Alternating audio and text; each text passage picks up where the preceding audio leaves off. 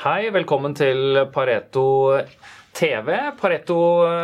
Pareto-podden heter det vel også. Vi kaller det Markedsinnsikt. Det er ukentlige sendingene. Nå har det jo vært eh, opphold gjennom sommeren i og med at folk har vært på på ferie, og, eh, men nå er alle tilbake her hos oss, og vi jobber for eh, fullt, og det er fullt trøkk. Og ikke minst innenfor fiskesektoren, som jo gikk year high, altså seafood-indeksen på Oslo Børs i går, og det henger jo, han er jo ikke uten skyld, en mann som sitter ved min side her. Carl Emil, du på, på akvakultur, fisketeamet vårt, mm. dere publiserte en ny, en ny, rapport på hele sjømatsektoren går. 116 sider, så her kan man sette seg godt tilbake i fluktstolen og, ja. og, og lese hvis man fortsatt er på, på ferie. Men, eh, men, dere går i dybden på, på sektoren. Og, og, hvis en ser på dette litt utenifra og fulgt nyhetsstrømmen gjennom sommeren, så har man jo lest om, om svake fiskepriser. Mm. Men aksjene har stått godt. Ja.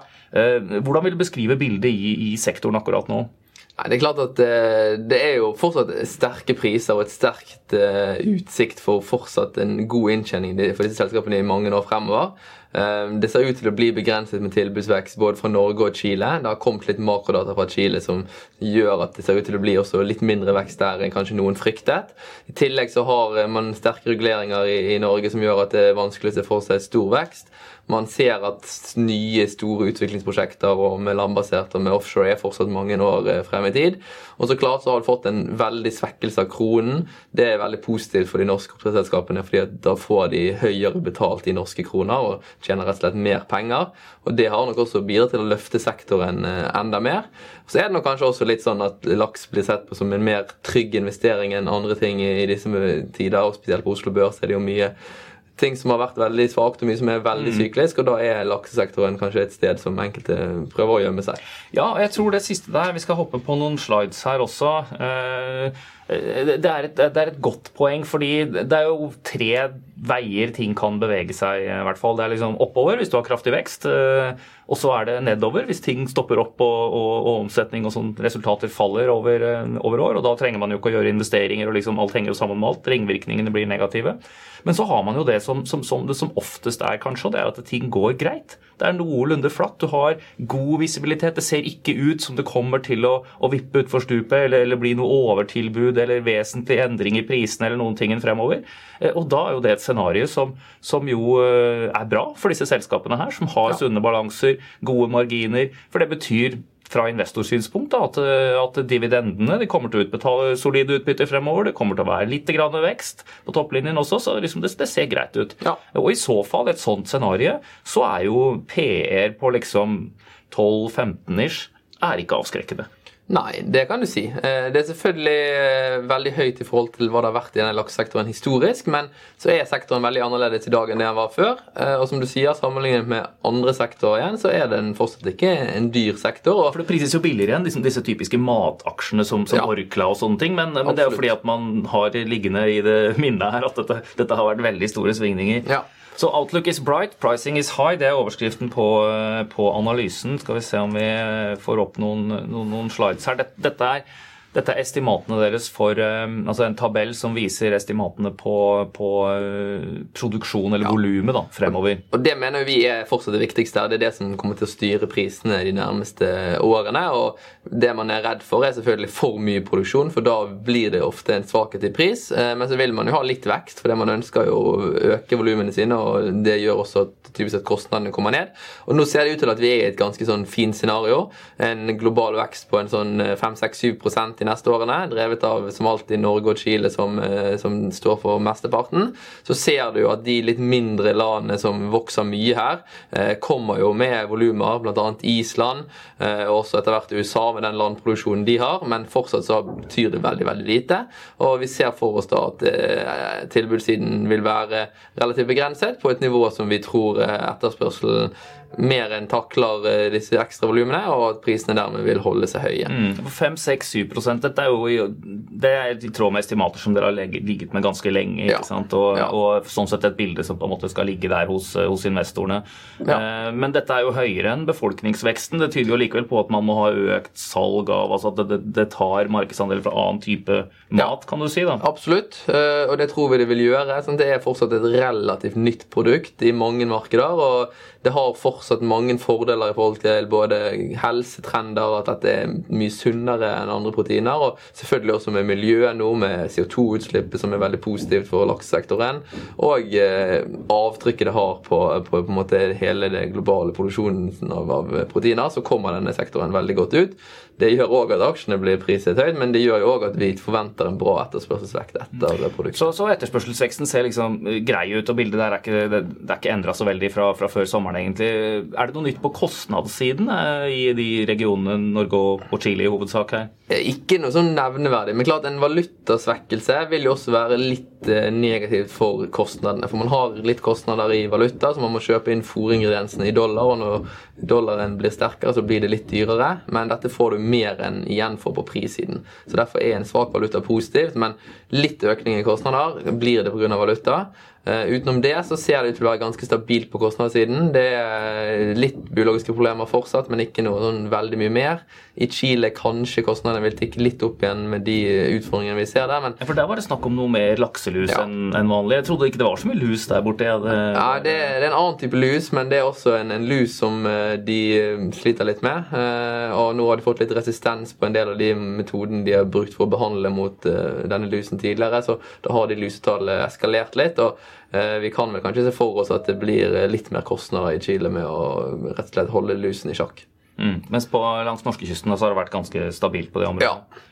Skal vi se, Her eh, har vi en slide som viser prisestimatene. Dette er for, for lakseprisen da, i norske ja. kroner per kilo. Ja. Uh, og i snakkende stund så ligger vi jo nærmere 50 kroner, ja. mens her, eh, her, spår dere egentlig 2000 og, og, altså spår 60 kroner som snitt for, for, inneværende år. Ja, så det er klart at nå, som du ser den grafen um, på høyresiden der, så er det jo en sesongmønster i den lakseprisen. Den er alltid høyere i første halvdel enn i andre halvdel, og det er pga. sjøtemperaturer som gjør at laksen vokser fortere om høsten når du får mer volum.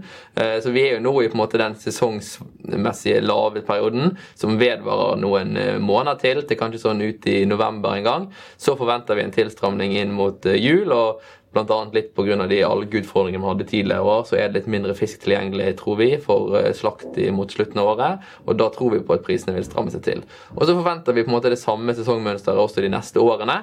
Eh, og at prisene er veldig gode i første halvdel, så vil du ha litt sesongmessig svakhet. Men vi tror på at prisene vil holde seg over 60 kroner. og men klart med den valutaen man har nå, vi ligger inne da med en spot-valuta, så mm. vil prisene faktisk øke litt i norske kroner. Selv om estimatene våre blir gjort i euro, og europrisen vi forventer for neste år, er ganske flat eh, i forhold til det vi forventer nå for 2019. Men, men prisestimatene har du på marginen tatt litt ned nå, ja. eh, ikke sant? I ja. tråd med at eh, det har, Særlig i inneværende kvartal vel, så har prisene ja. vært noe lavere enn det som vi prognostiserte. Det er riktig. Så i 2019 har vi tatt ned prisene våre både for Q3 spesielt, og også litt Q4. og det henger sammen med litt som man så på den forrige grafen, at vi har tatt opp volumene våre noe. og Det er spesielt noe i det korte bildet. Det har vært god vekst langs norskekysten. Masse masse fòring og vekst i biomassen som gjør at vi tror at volumene vil bli litt høyere enn vi trodde før.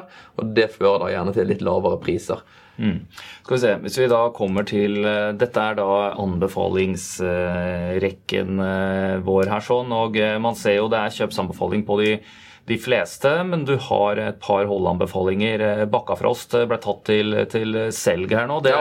det, er liksom, De er best. Det er eh, flinkest ja, og, det er det. og dyrest. Eh, absolutt. Og vi syns de er i dyreste laget nå. Og så syns vi Vi tok Bakkafrost ned til selg, og så tok vi SalMar opp til kjøp, selv om oppsiden der er liksom ikke fantastisk. Men det er litt for å illustrere et poeng. Vi syns SalMar De er jo de to likeste når det gjelder liksom at de ligger over de andre i, i marginer, ja. fordi de har sider som har vært veldig bra. rett og slett. Ja, og De er veldig flinke oppdrettere, så de oppnår de beste marginene, for de har lavest kostnader. Eh, men vi mener at SalMar er like flink som Bakkafrost eh, på drift, og har også et bra vekstpotensial med disse offshore-merdene sine og satsingen på Island. Mm. Eh, og når da den aksjen handler på en såpass stor rabatt, ca. 20% var det til Bakkafrost, så syns vi at SalMar er et bedre kjøp enn Bakkafrost. Så en grei switch der mot hverandre. Ellers så er det jo som det har vært i noen måneder. Det er særlig Lerøy dere peker på, men ja. den har vært tung tung å løfte altså, i markedet. Ja. Hva, hva, hva, er caset i den nå? Hva må vi se for at, at prisingsforskjellen skal, skal, komme opp? Altså, De har jo levert to eh, svake kvartaler på rad nå. Eh, vi må jo begynne å se at de leverer litt bedre på driften sin. Eh, spesielt i denne Lere Sjøtroll-regionen, som har vært veldig svak. Det er ørret? Det er bl.a. mye ørret. Det er også laks der, men det er mye ørret. Og Der har det vært lave priser på ørreten, og det har vært også høye kostnader, og det er en dårlig miks. Så vi trenger jo å se at selskapet leverer litt på, på, kvartalsrapportene sine. I tillegg så tror jeg man må Og da må man, man må rett og slett gjenvinne litt tillit i markedet. Det er mange som på en måte skyr litt unna den Lerøy-aksjen, og det gjør at man handler på en veldig stor rabatt på verdsettelse. Så selv om Lere f.eks. vi tror de skal tjene ca. like mye penger som SalMar de neste årene, så er jo markedsverdien av SalMar mye høyere enn en i Lerøy. Så man må rett og slett få litt tiltro til at de estimatene man har, er, er riktige, at det ikke kommer masse nedjusteringer eh, sånn som det har vært de siste kvartalene. Som en liten side story der, for de som ikke vet det, så kan man jo nevne at eh, Austevoll, som ligger her, de er jo den største eieren i Lerøy, og så har de en del andre ting eh, ved siden av, så det er jo en enda billigere eksponering hvis man skal være langsiktig mot, mot det caset ja. der sånn, og det ser man jo også på disse prosentvise oppsidene, men, men det er mindre handel i Austevoll og litt mindre fokus på den. Og, eh, men så har du midt på linja her så har du jo Movi, gode gamle mm. Marine Harvest, som, eh, som, jo er den mest likvide, mest handlede, største av de her, og som nå har fått en holdanbefaling. Ja, Eh, vi har hatt den på hold nå en liten periode. Eh, vi har syntes at den har vært Den gjorde, hadde et veldig bra rønn tidligere i år og var klart den sterkeste lakseaksjen eh, ja, i starten av året. Syns at den har på en måte nærmet seg fullprising, og estimatene har på en måte trendet litt nedover. Vi har ikke vært så positive til, til videre oppjustering der. Nå ser det jo ut som estimatene har bundet litt ut, og vi har sett at de har tikket litt opp igjen, men våre estimater ble tatt fortsatt litt ned nå. og, og på de multiplene den handler nå, som er rekordhøye multipler. Vi skal ta en kikk på det. Vi har en slide på det her òg. Dette er jo, eh, For dere som sitter og, og, ser på dette her, så er jo det en busy slide, som man kaller det. Men ja, det er mye ting si. på, men, men, her viser man da prisingstabellen, rett og slett. Og eh, kan du highlighte Eller hvis vi, hvis vi tar 2019, da, inneværende år, så, ja. så, så, så, så har vi en snitt sektorprising rett under 15.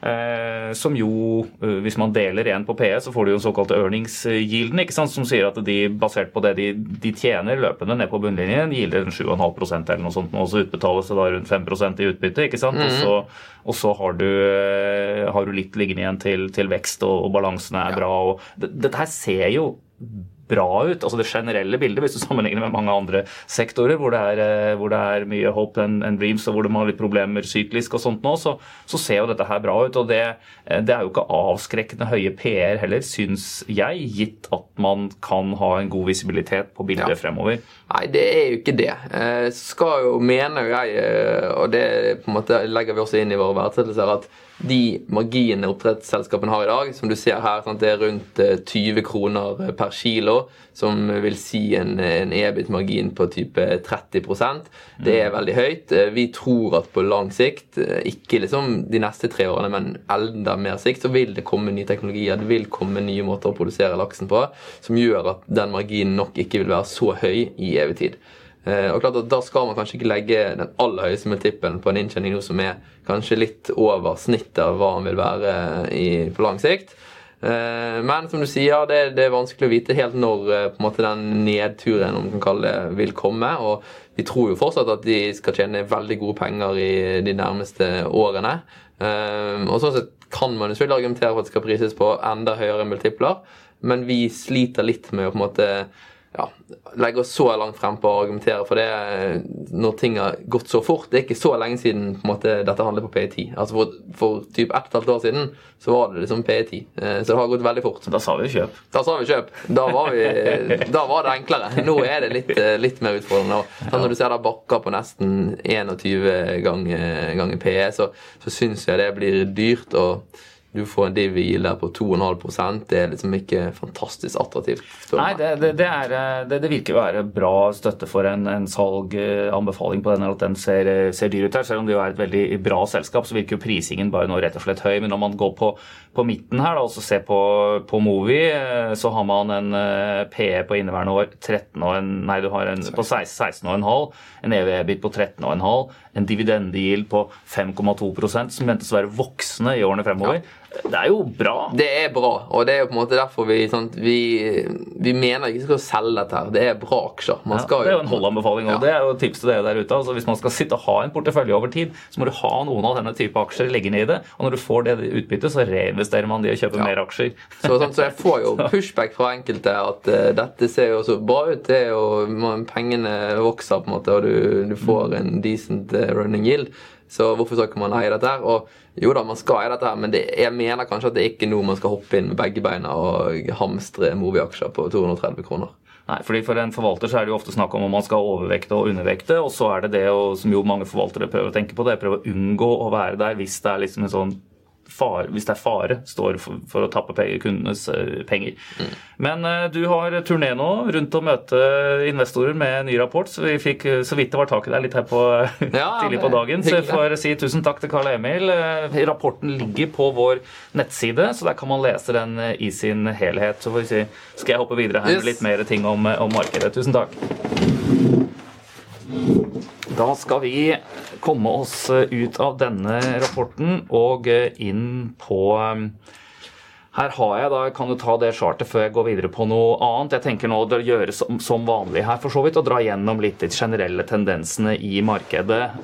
Det Avslutningsvis på fisk her, da, så har vi jo Oslo Børs Seafood Index eh, foran oss her. Her er det ukentlige priser. Den er tilbake til 2016, hvor de etablerte den, den eh, indeksen. eh, og vi ser at den nådde toppen på, i oktober i fjor. Så har det vært eh, litt eh, sidelengs, før vi nå hadde en ny årstopp her i eh, går. Så dette her er jo et, et sterkt eh, bilde.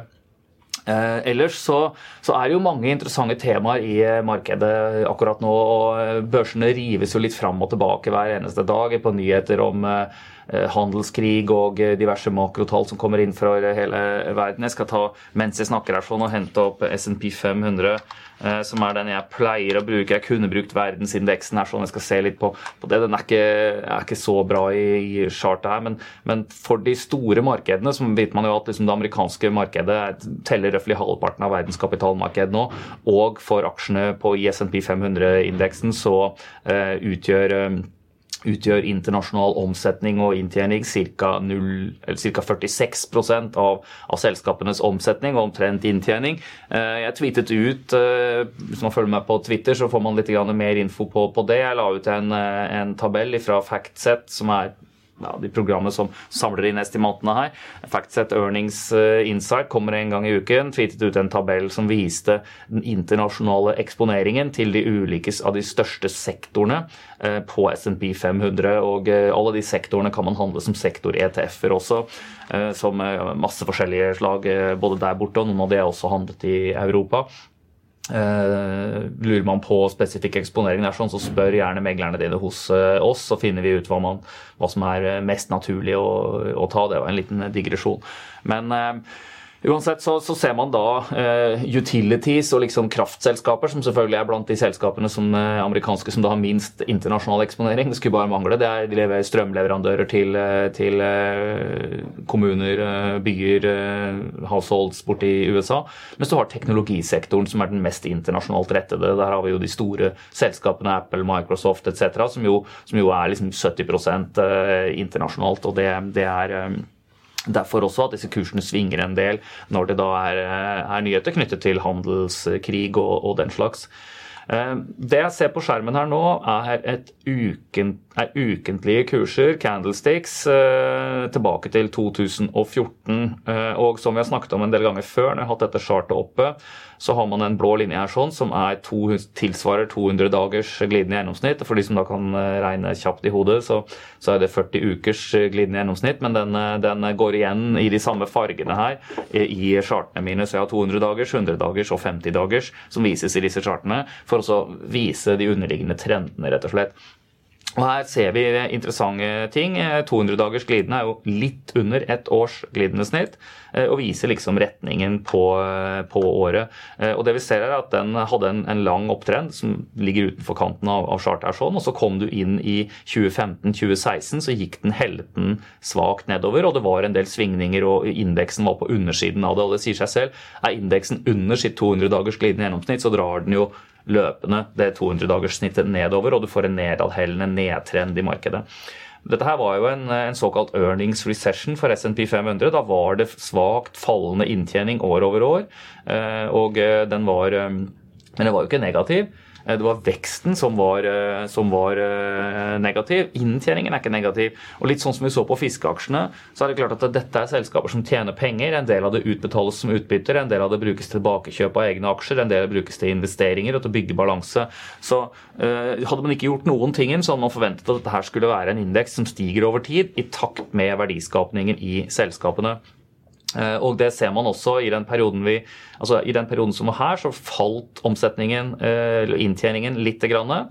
I den perioden vi er nå, så ser man et, et flatt, et eh, tendens til faktisk svakt oppadhellende 200 dagers glidende snitt her i, igjen. Og det er egentlig i tråd med den inntjeningsutviklingen vi ser i selskapene nå.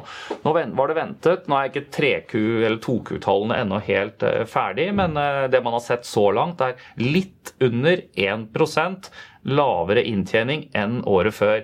Men som sagt, inntjeningen er positiv, og med den prisingen som er nå, hvis du deler én på PE igjen, så har man en, en earnings yield i USA som er på rett under 6 eh, Og det er da det du skulle kunne utvikle deg i kursstigning år over år uten at markedet blir noe dyrere, eller uten at du egentlig har noen forventninger om noe voldsom vekst fremover.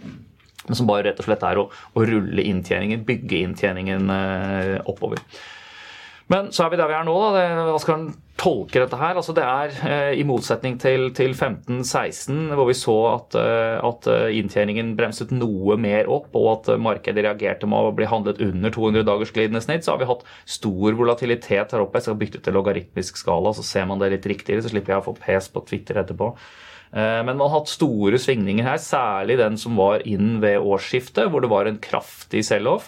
Reverseringen ble også kraftig. Og vi har hatt, uh, hatt, nye topper, egentlig. Man kan endog trekke en liten linje gjennom disse toppene. Merkelig hvor godt den treffer der. ikke sant? Uh, og så kan man trekke en parallell linje, røftlig. Hvis jeg gjør det på, på nedsiden, så ser man at ikke fullt ut. Det er ikke, det er ikke Altså en, trend, en opptrend skal trekkes ja, egentlig gjennom bunnene, en, en nedtrend mellom, eh, gjennom toppene. Men det jeg prøver å gjøre med dette her, er Jeg bryter alle disse reglene for teknisk analyse. Jeg prøver å fange opp hvilke områder er det vi, vi jobber i, og hvordan er det man, eh, man, skal kunne tolke dette her eh, fremover. Og det vi ser er at I all hovedsak så beveger vi oss jo i en litt bred, oppadhellende trend. Og eh, man kan igjen trekke en linje liksom midten her omtrent og se at eh, mesteparten av price action skjer i den øvre delen. her sånn. Så har du hatt den der kraftige dippen ned ved årsskiftet som hadde spesielle grunner. Da her så man jo på kraftige tilstramninger i pengepolitikken, ikke sant? og så kom ikke det. Det kom en betydelig rettelse i stedet. Og nå i høst så har man startet her med med de første rentenedsettelsene i USA. Jeg skal ikke gå detalj inn i det scenarioet der nå, det er, det er grundig beskrevet av andre. Ser man på momentet i markedet, altså hvor sterkt trykk er det oppover uh, i chartene her sånn, så ser man en RSI, Relative Strength Index, som viser liksom, kan du si, balansen mellom opp- og nedgang på, på, 0, på, på, 54. og Tall over 50 er liksom opp, og tall under 50 er ned. Er man over 70, så regnes det som overkjøpt. Er man under 30, som oversolgt. Så det kan brukes litt å fange opp disse bølgebevegelsene, og når på en måte den begynner å bli moden i begge ender. Så, men det jeg ser her, er en svakt oppadhellende trend. Eh, et svakt oppadhelende oppadhellende 200 dagers glidende snitt, en tilnærmet nøytral RSI. Egentlig lunkent vann, altså, eller gråvær, om man skal sammenligne med været der ute. Det er ikke dårlig vær. Eh, det er ikke strålende sol. Det er gråvær, men det er greit. Så, så, er det ferie nå i Europa og USA i all hovedsak, så det er roligere marked enn en vanlig. Men i bunn og grunn så syns jeg det siste vi har sett her nå, er et flash ned på SMP 500. Test av kan du si, teknisk støttenivåer på nedsiden. Ganske kraftig reversering opp igjen. Eh, og det ser bra ut. Så jeg bruker den bare til å kommentere de litt lange trendene der. Går man inn på kortere chart, her har vi da daglige kurser SMP 500 så ser man jo eh, litt det samme bildet, egentlig. Vi er, vi er over 200 dagers glidende snitt, som er ganske flatt i ettårsstartet. Vi er eh, etter, vi startet gårsdagen under, endte gårsdagen over 100 eh, dagers glidende snitt, og vi er under 50 dagers glidende snitt. Så også her ser man litt sånn lunka vann. Men, men, man så jo ved start av dagen i går en liten tweet på liksom litt lettelser, eller en dreining på rattet i lettere retning. I den såkalte handelskrigen, eller den konflikten kan man si mellom, mellom USA og Kina, og markedet var opp 2% så, så, jeg må jo si ut fra et teknisk perspektiv at det ser jo ut som markedet egentlig vil opp her.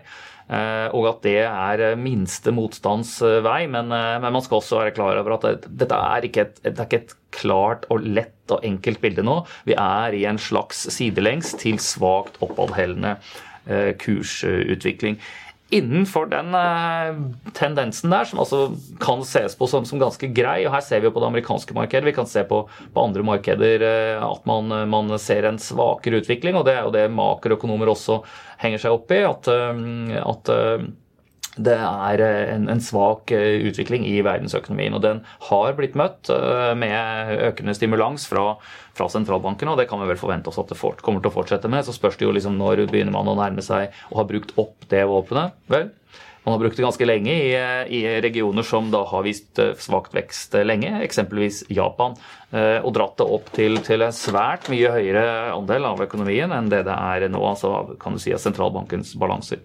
Så vi får se. Jeg tror ikke vi kommer eh, dit, men, men jeg tror ikke man skal vente den ekstremt sterke veksten på samlet indeksnivå her fremover.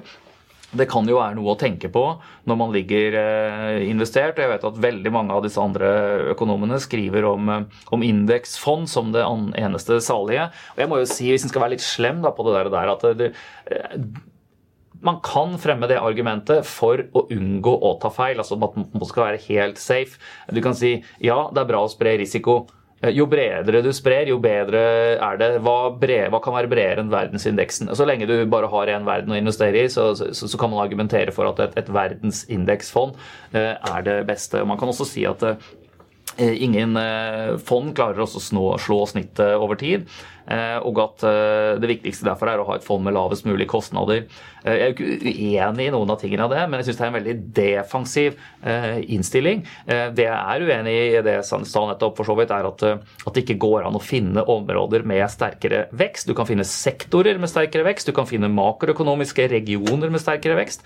Ofte henger det sammen med at du har velutviklede økonomier med en god markedsdynamikk. ikke sant? Det er jo derfor jeg trekker fram USA her hele tiden også. Jeg kunne hatt Norden. hvis hvis man hadde, eh, som for så vidt også er en region eh, Kunne hatt Tyskland tidligere.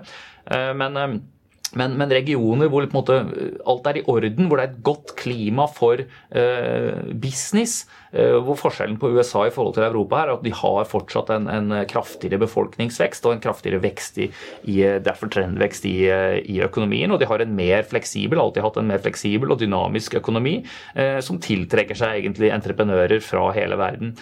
og det gjør at det kanskje der jeg vil argumentere for, har det mest interessante aksjemarkedet.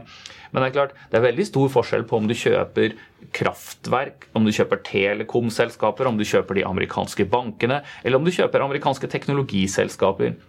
Eh, og igjen innenfor det så er det massevis av forskjellige, av forskjellige trender. Så jeg vil jo si at det, det går an å finne å være veldig diversifisert og sånn sett ha spredd sin risiko godt gjennom å gå i brede trender internasjonalt. Eh, men, men allikevel gå i sektorer som har en sterkere underliggende vekst, og som, hvor det ikke veies opp av en tilsvarende veldig mye høyere prising eh, på generell basis enn det, enn det du kan finne ved å gå i, i hele bredden. Eh, det er også sånn at det fins aktive altså Innenfor de sektorene eller regionene igjen, så fins det visse strategier som kan være fornuftige å følge. Eh, det fins jo for så vidt indeksfond, såkalt smart beta og sånne ting, som, automatiserer det og, og, som følger den type strategier. Det kan være interessante fond å se på. Men det fins også forvaltere med en svært god historikk som uh, følger bevisste strategier, ikke bare på en måte blir truffet av ballen og har flaks uh, av og til, um, eller som låser seg fast i å investere på én spesifikk måte, men, men, som kan tilpasse seg litt til hard historikk, det er for å tilpasse seg godt til klimaet. Eh, og for å få med seg litt mer av oppsiden og kanskje litt mindre av nedsiden eh, enn andre. Eh, vi jobber, Jeg jobber i skrivende, snakkende stund med den type verktøy. Jeg har lagd noen, eh, noen, dataverktøy for å kunne sortere fond og forvaltere etter visse kriterier, for å få fram nettopp de som skiller seg spesielt positivt ut innenfor visse segmenter. Eh, og håper å kunne publisere det på vår eh, nye website i løpet av denne høsten. Og også kunne begynne å publisere en del innhold på det. Så de som da blir lei av de standardrådene som du får hos alle andre, og som du kan lese i avisen hver eneste dag, skal kunne gå av inn og finne andre ting som eh, kanskje kan, eh, kan, gro litt kraftigere i porteføljen når du ligger med det i, eh, over tid, eller når du sparer til dine barn eller sparer til din pensjon, alle de tingene der.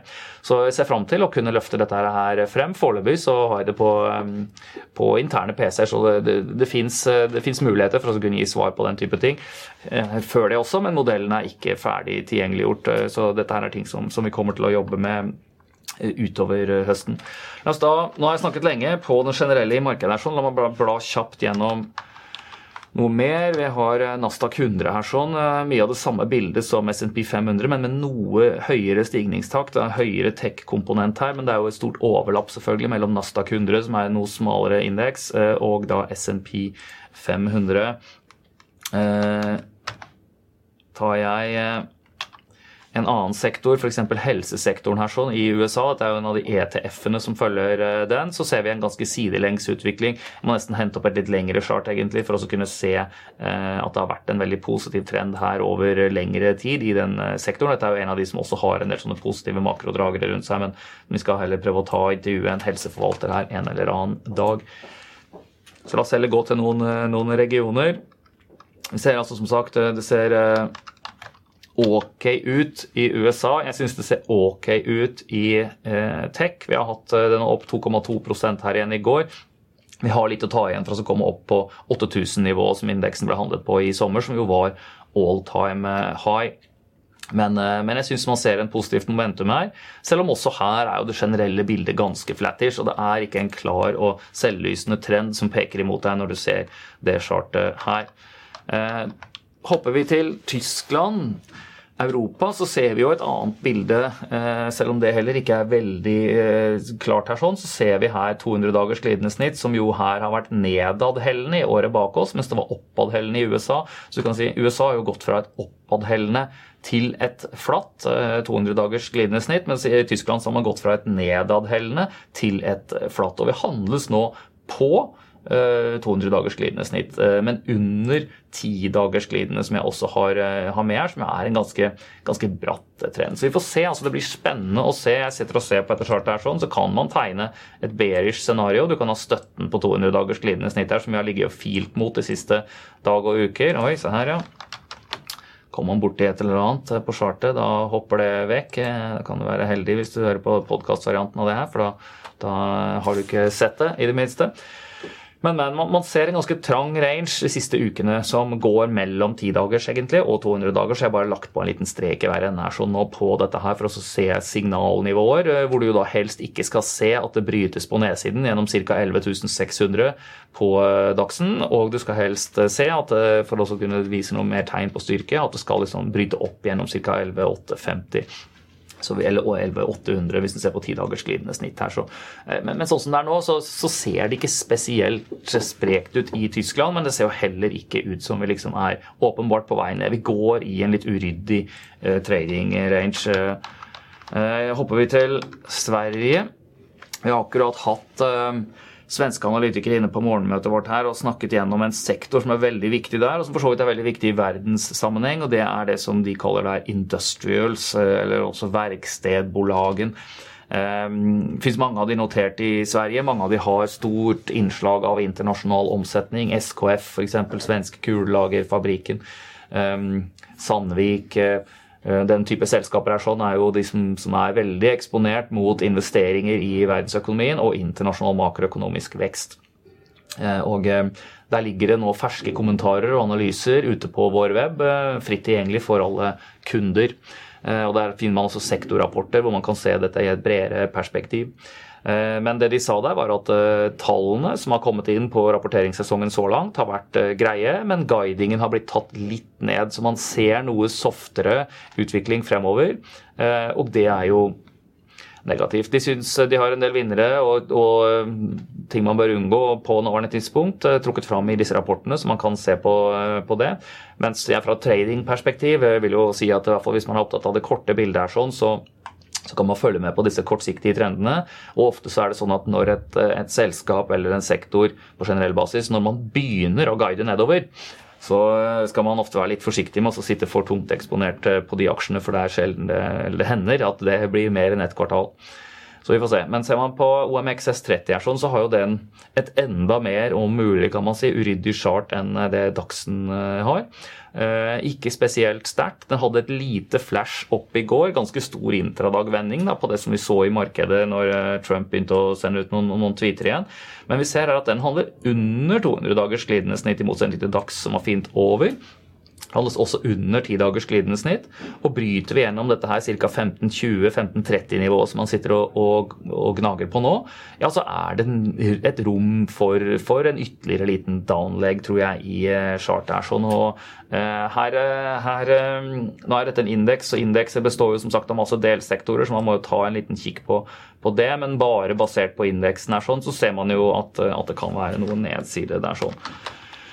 Um, eh, før man ler for høyt av at det ser tomt ut i Sverige, for det skal man jo ikke le av, så ser det jo enda tyngre ut hvis du ser på oljeprisen. Eh, den eh, er i nedtrend, egentlig, i chartet er sånn, og under sitt 200 dagers glidende snitt. Har vist en tendens til, til å konsolidere og så ta ny downleg. Handles under 200 dagers, 50 dagers og 100 dagers glidende snitt. Det er nedtrend. Du hadde i går, på den, det som dro markedet litt opp igjen, så hadde du en veldig kraftig vending opp i oljeprisen. Men sånn som det ser ut teknisk nå, så ser det jo ikke ut som annet enn en, en korreksjon opp i en, en nedtrend eh, og i et litt sånn generelt svakt bilde. Eh, skal man si noe teknisk om det her eh, i et litt større perspektiv? Nå hentet jeg opp ukediagrammet her igjen. Så ser det jo der marginalt bedre ut. Man kan kanskje trekke en linje gjennom de tidligere bunnene her sånn og se at vi fortsatt er i et scenario Eh, med en viss eh, oppadgående tendens, som man ikke skal kalle det opptrend. Men man ser jo også her at det brytes den på det nivåene vi nå ser, så begynner man å nærme seg et helt flatt bilde igjen, eh, eller et vesentlig flatere. Da kan man begynne å tegne den linjen her, og kanskje her og se, se at, at, helningsgraden fortsetter. Men dette her heller er ikke krise. Det ser ikke, det ser ikke dårlig ut. Det er ikke en ren nedtrend, sånn som vi hadde tidligere her. sånn. Det er bare det at det, det, det ser ut som stigningstakten blir lavere enn, man, enn, det så ut til for noen måneder tilbake. Så vi får se når analytikerne får tygd seg gjennom denne materien. Det er massevis av tall som nå skal ses på, prognoser som skal legges for, for inneværende halvår, dvs. Si høst og inn i vinter 2020. 2019 har det blitt. så, så, vi får se hva som, uh, som, kommer der. Jeg håper å kunne, kunne ha oljeanalytiker i studio her sånn om, uh, om, ganske kort tid. Så får vi se hvordan, eh, hvordan scenarioene tegnes opp da. Men i det tekniske bildet i hvert fall, så ser vi jo at om man spoler tilbake et par måneder til hvordan tendensen var før sommeren, så så det eh, bedre ut, eller altså, si ved avslutningen av fjoråret, mens det inn i år egentlig har vært vært litt eh, tungt. og Ser man på, på year to date, faktisk, for da måler man jo akkurat på årsskiftet, her sånn, så er vi jo fortsatt opp 11-12% på oljeprisen. Men siste år så er man ned 16,7% for da kommer du tilbake til de høye nivåene her. sånn. Så, så det er klart at det, eh, her, som på en del av de andre, det er et blandet bilde. Eh, vi avslutter da med OCBX. Hvor man jo her i dette femårschartet eh, ser denne her avtagende tendensen. Og her bare må jeg advare mot at man heller ikke her eh, skal ta det da for gitt at scenarioet blir kraftig nedtur. Det kan godt hende det blir sidelengs eh, til litt, side, litt kjedelig utvikling. Det er ofte det du, du, får i de periodene hvor det rett og slett ikke er noe kraftig dytt eh, oppover, men det er heller ikke noe kraftig grunn til å tro at ting går rett utfor stupet. Men uh, man ser her en indeks som uh, et 200 dagers glidende snitt som, som uh, har gått fra å være stigende fram til september i fjor, hvor vi hadde da all time high, til også å være fallende, så vidt det er. Og hopper vi inn på et kortere charta, hvor vi ser daglige kurser her, sånn, så ser vi jo nå at her, i likhet med, med Sverige, så handles vi under 200 dagers, 50 dagers og 100 dagers glidende gjennomsnitt. Vi handles under 10 dagers glidende gjennomsnitt, som, som tjener som en en teknisk motstand rett på oppsiden. Vi har hatt det er stille og rolig handel nå foreløpig. Mange som er på ferie, av internasjonale investorer særlig. Men vi kan jo se her at dette er 800 og og 42-3-ish har vært et teknisk motstandsnivå. Der ligger også eh, også tidagerslinjen gjennomsnitt på oppsiden. Vi startet dagen med å teste det i dag. Foreløpig har det stoppet uh, ned. Mens det på nedsiden ligger teknisk støtte ved rundt 830, som man ser i dagsdiagrammet her. Det er mulig at man ser det enda mer detaljert hvis man går inn intradag, men uh, jeg vil jo nesten si at det her er sted 832-ish. Det der var det også snudd i går, er vel et, et nivå som, som ja, man, man, får tolke det som litt negative signaler hvis det brytes. Altså. Men som sagt, eh, jeg tror eh, ikke man skal Skal man gjette på hva som blir scenarioet fremover, så vil jeg kunne argumentere mer for dette her sidelengs bred trading range-scenarioet enn at vi nå skal vippe over i tung nedtrend. Men man ser sporene av en nedtrend når du har et svakt nedadhellende 200 dagers glidende gjennomsnitt, og det skal man være klar over. Eh, og vi har jo en sektorsammensetning på Oslo Børs Eh, hvor selv om den er bedre enn den har før. Vi har eh, stort innslag av finans, vi har stort innslag av eh, sjømat, som vi jo tok innledningsvis i denne sendingen. Så har man fortsatt også en svært tung olje- og offshore-eksponering. Man har oljeselskapene, man har oil service-selskapene, man har verkstedsindustri, for så vidt verft og sånne ting mot det. Og Eh, og man har annen syklisk industri, som eksempelvis Norsk Hydro. Eh, så, så iallfall OCBX ser ikke noe klart bilde der. så Jeg skal ta og trekke opp et lite chart her bare eh, avslutningsvis, for også å ta et eksempel. Her tar jeg Hydro. Jeg tar last year to date. Det vil si at da har jeg fra starten, jeg har hele 20, ja, fra desember 2017 og til nå i den perioden så har Hydro-aksjen da gått fra 64 kroner til nå handles på 27. og ehm, man kan se eh, Er det noen grunn til det? Ja, du har den fallende aluminiumsprisen. Du har masse selskapsspesifikt som man kan trekke frem disse Brasil-sakene og de tingene der, men det er egentlig, så ser man her, og det er det jeg skal ta et eksempel på, du ser eh, at, at det som rammer norske selskaper, som er veldrevne, gode selskaper, ordentlige selskaper, eh, det er mye av det samme som du ser rammer lignende selskaper internasjonalt. Nå tar jeg compare-funksjonen her sånn inne i i Active Trader. Og så går jeg på Alcoa Corporation, som jo er notert i USA. Eh, da må vi ta currency-konvertering over til norske kroner. Jeg skal dra litt opp på den grafen. Sånn. Eh, og eh, legger da Alcoa-kursen konvertert til norske kroner oppå Hydro-kursen. Og eh, man vil jo aldri se 100% sammenfall her sånn, men det man kan se, og som er det vi illustrerer her sånn, det er jo tendensen. ikke sant? Altså Du ser den samme tendensen eh, i chartet. Samme, røftlig samme prosentvis utvikling over tid. Eh, og det er fordi at eh, det er alltid sånn, at, eller veldig ofte sånn, at eh, på, på selskaper som er relativt godt drevne, og som er, men som er eksponert mot én råvare, og utvinningen av en råvare, og det samme underliggende markedet, det samme markedsbalansen, det, det tenderer til å ha en relativt lik utvikling. Og det ser vi jo, det ser vi jo eksemplifisert i det chartet her. Og med det så skal jeg ikke si Jeg kan ikke si at jeg har uttømt mitt repertoar for i dag, men jeg tenkte iallfall vi skulle slutte der sånn. Ehm, sesongen er i gang. Forslag til temaer, ting man skulle ha tatt opp, kommentarer på format, hvordan vi skulle, man skulle sett at vi, om det er spesielle ønsker eller forslag på hvordan vi kunne gjøre ting annerledes her. Det mottas med takk. Her er som i de fleste andre bransjer så er vi opptatt av å, av å, av å lytte til, til, kunder og, og tilpasse oss det vi ser av muligheter og av interesse der ute. Eh, jeg vil også nevne, jeg har fått litt eh, kommentarer på det, vi har hatt et, et tilbud til nye kunder ute nå på nettet gjennom de siste månedene, egentlig, hvor man hvis man registrerer seg eh, og blir aktiv kunde, det vil jo si da da åpner du opp og kan handle gjennom oss, ha penger og aksjer ditt, flytte beholdningen din, den type ting, så at man blir en, en, en, aktiv kunde. Da får du jo for det første tilgang til alle våre analyser. Du får et prøveabonnement de første, da, første tre månedene på uh, Infront sin webtrader, som for øvrig er betydelig oppgradert i løpet av, uh, av sommeren, og hvor mer kommer til å, å, komme. Så det blir et uh, bedre og bedre verktøy. Eh, og man får da et svært godt kurtasjetilbud, som vi nok en gang har, har forlenget til å gjelde ut inneværende måned. Så blir man aktiv i august, kommer tilbake fra eh, ferien, ser at ok, her skal det begynne å handles litt eh, aksjer igjen, ønsker å være på et lag fylt av folk med god aksjekompetanse, ha tilgang til muligheten til å kunne få mer avanserte verktøy hvis man ønsker det, til å få tilgang til analyser og lese seg opp på det hvis man ønsker det. Og samtidig selvfølgelig vi krydre alt sammen med et veldig godt pristilbud ja, så skal man komme til, eh, til, oss. Eh, vi har også, det har vi hatt et, eh, en stund nå, et veldig godt lånetilbud hvor man kan låne hvis man lånefinansierer sin portefølje. og Vi kan også ta imot og flytte over lånefinansierte porteføljer.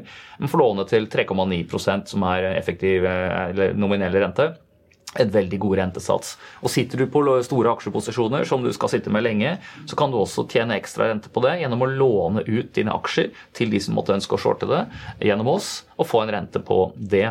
Så dette her er jo det vi driver med. Vi driver med aksjehandel. De som driver med det på fulltid, handler hos oss. En masse som driver med det på hobbybasis, handler med oss. Og en del som bare skal ha langsiktig sparing til seg selv eller sine barn, kan gjøre det gjennom oss. Og som sagt så ser vi mange ting som kommer til å, å være spennende å ta tak i her utover høsten. Ikke minst, eh, syns jeg, for jeg liker fond. Jeg liker å handle i fond. Eh, og Liker å snakke med fondsforvaltere og høre hva de gjør. Liker også å bruke de tekniske verktøyene vi har til, også, til å finne spennende fond å gå, å gå, inn i. Og hva som er det riktige for én, er ikke riktig for det andre. Det kommer an på liksom, hvordan man vil. Men gitt den eksponeringen du ønsker å ha i markedet, da, hvis du ønsker å, å, investere på, etter den og den strategien i den og den regionen, hvis du ønsker å ha aktive, spennende forvaltere, hvis du vil ha indeks og kanskje se på ETF-er, en måte å gjøre det på, eh, hvis du vil ha Europ, europeisk noterte, så det er innenfor fritaksmodell modellen, eller kan handles på en aksjesparekonto, eller hvis du vil, vil se på det internasjonalt. Det er mange ting å ta tak i her sånn. og eh, og vi har alt sammen i vareutvalget, så det går litt på nå hvordan vi skal stokke dette her på, på ny web for å kunne få dere der ute til, også, til også å kunne bruke tjenestene best og egentlig få fornøyde kunder. Det er jo det som er nøkkelen til, til, å vokse over tid og til å ha god inntjening over tid også. Det er, å, det er også å sørge for at dere som sitter på andre siden av det eh, kameraet, skal eh, kunne bruke verktøyene som vi rett og slett eh, gir, til å ta bedre posisjoner i markedet. Så velkommen skal dere være om det kommer til oss. Og med de ordene så tror jeg jeg hopper av her for i dag. Så vil da dette her være tilgjengelig både på eh, video, vi legger det ut eh, på Facebook, vi legger det ut i, eh, på YouTube, hvor man kan også abonnere på videoene fra oss. Vi legger det selvfølgelig på vår egen nettside. Den er også tilgjengelig som podkast for de som vil høre det i lydformat. Det er det forbausende mange som, som, vil gjøre, så syns vi det er hyggelig. Og som sagt alltid, feedback mottas med takk. Vi ses.